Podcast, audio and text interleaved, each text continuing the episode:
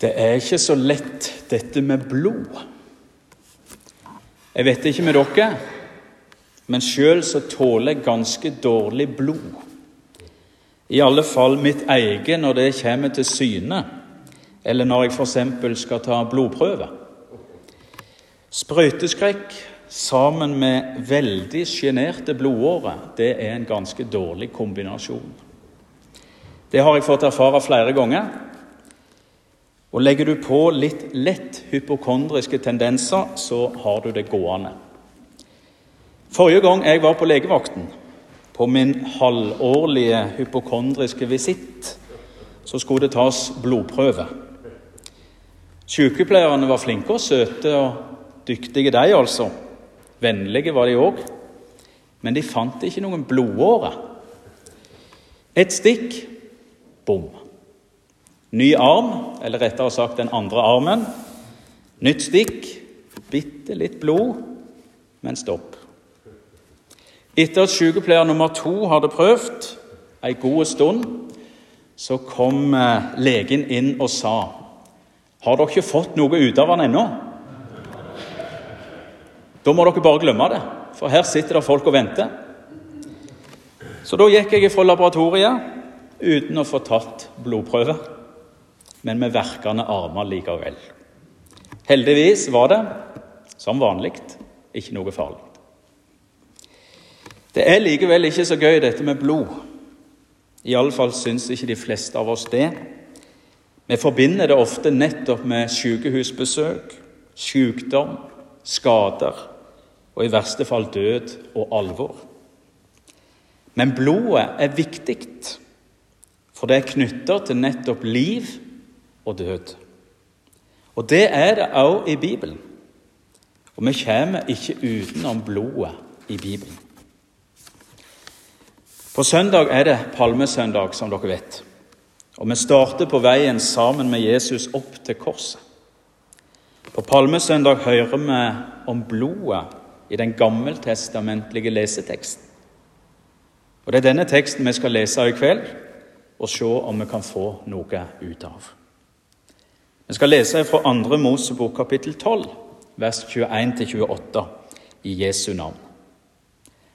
Moses kaller sammen de eldste i Israel og sa til dem.: Gå og hent småfe til familiene deres, og slakt påskelammet.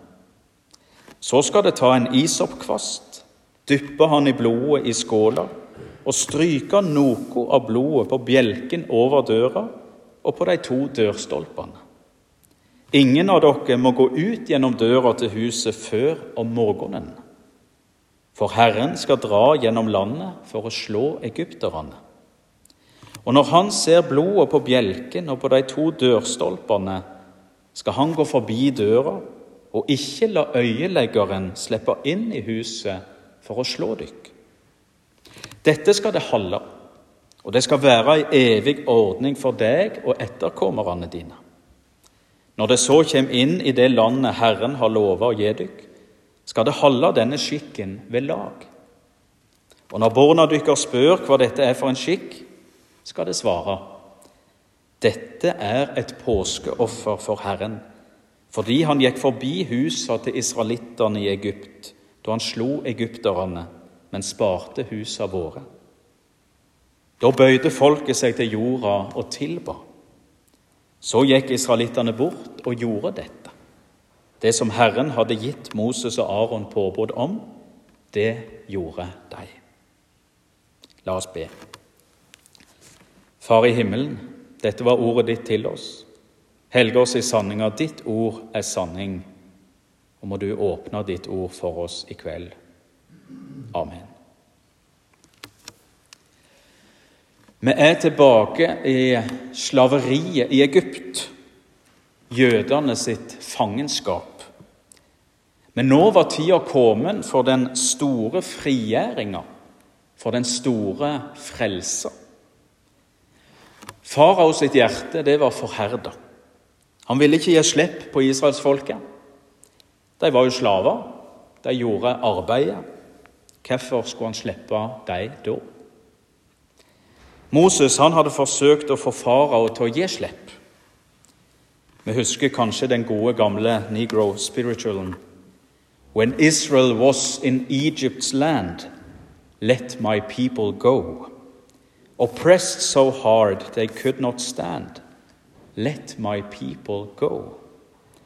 Go down, Moses, way down in Egypt's land.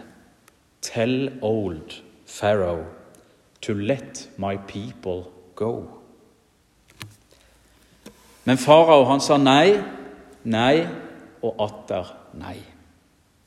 Dette på tross av de ulike plagene som ramma Egypt, som tegn fra Gud om å gi slipp på Israels folk. Til slutt ble det alvor, dødsens alvor, og døden skulle ramme Egypts førstefødte. Men israelsfolket skulle spares og berges og Måten det skulle skje på, var det vi nettopp las om i andre Mosebok. Israelsfolket skulle slakte et påskelam, og blodet skulle strykes på døra, slik dere ser på framsida av heftet dere har fått. Og når Herren ser blodet på bjelken og på de to dørstolpene, skal han gå forbi døra og ikke la øyeleggeren slippe inn i huset for å slå dem.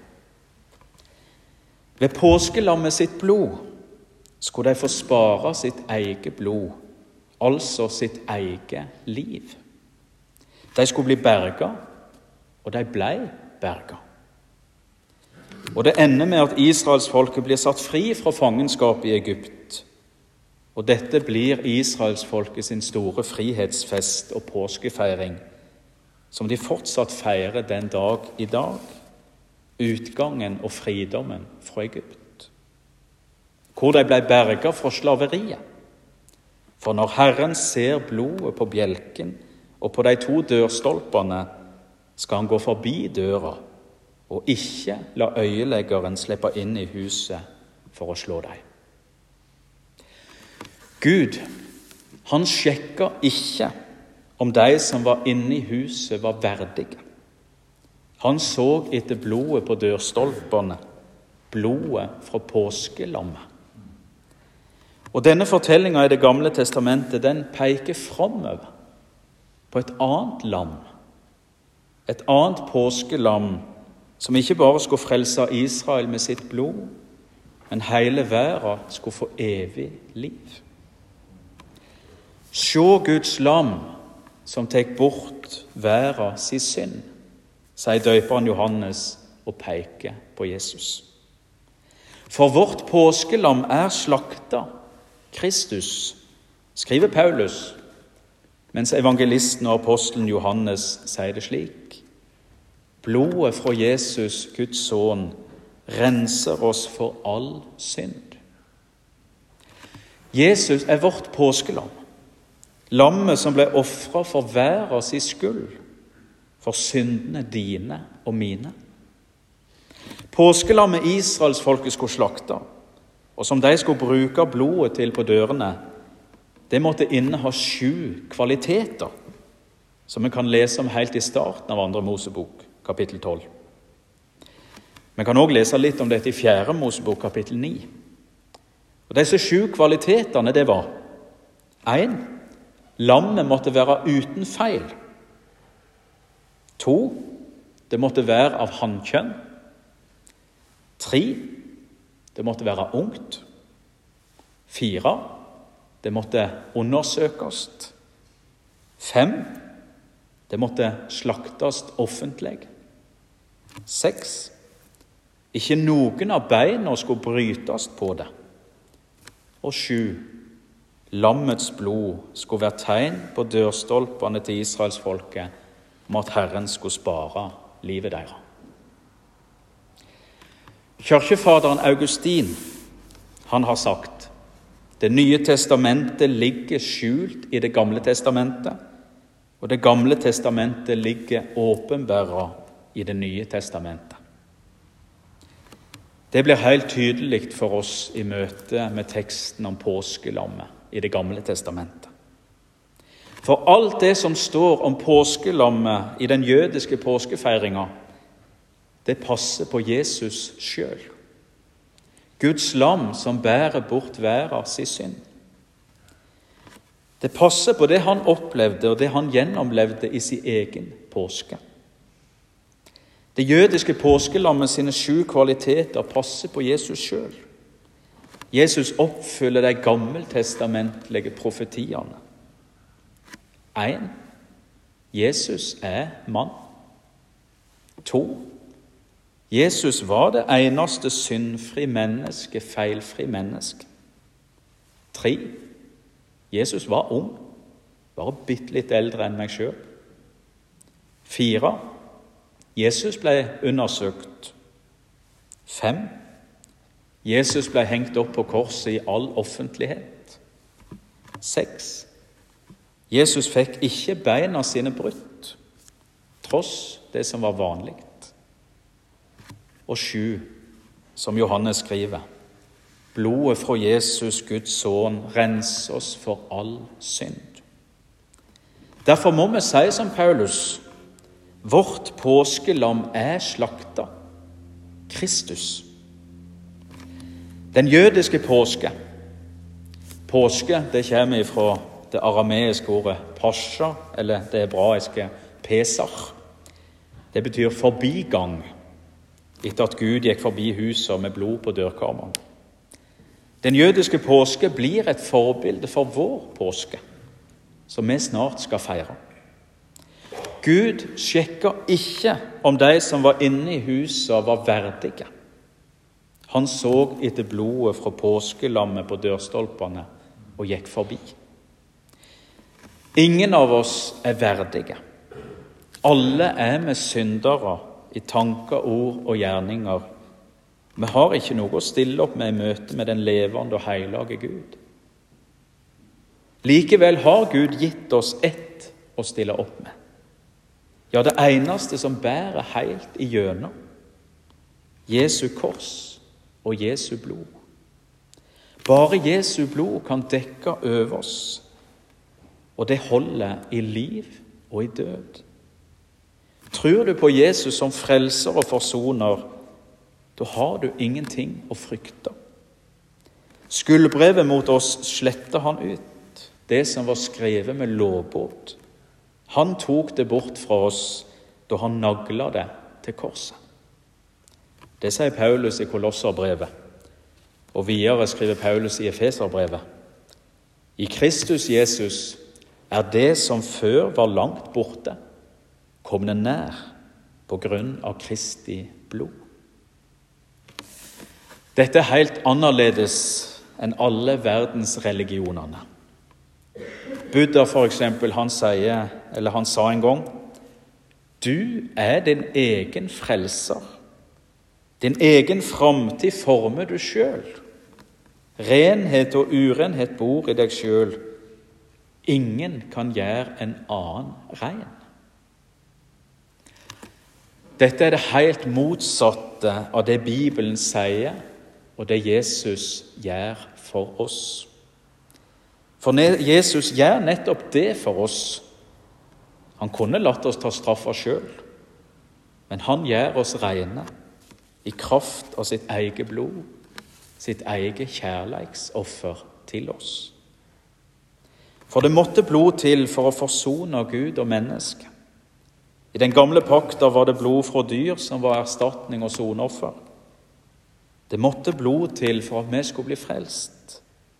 Eller sagt på annet vis det må blod til for at det skal bli liv. Hebreabrevet skriver slik om dette. Etter lova blir nesten alt rensa med blod, og uten at blod blir utrent, fins det ingen tilgjeving. Frelsa er blodig alvor. Langfredagen vitner om det.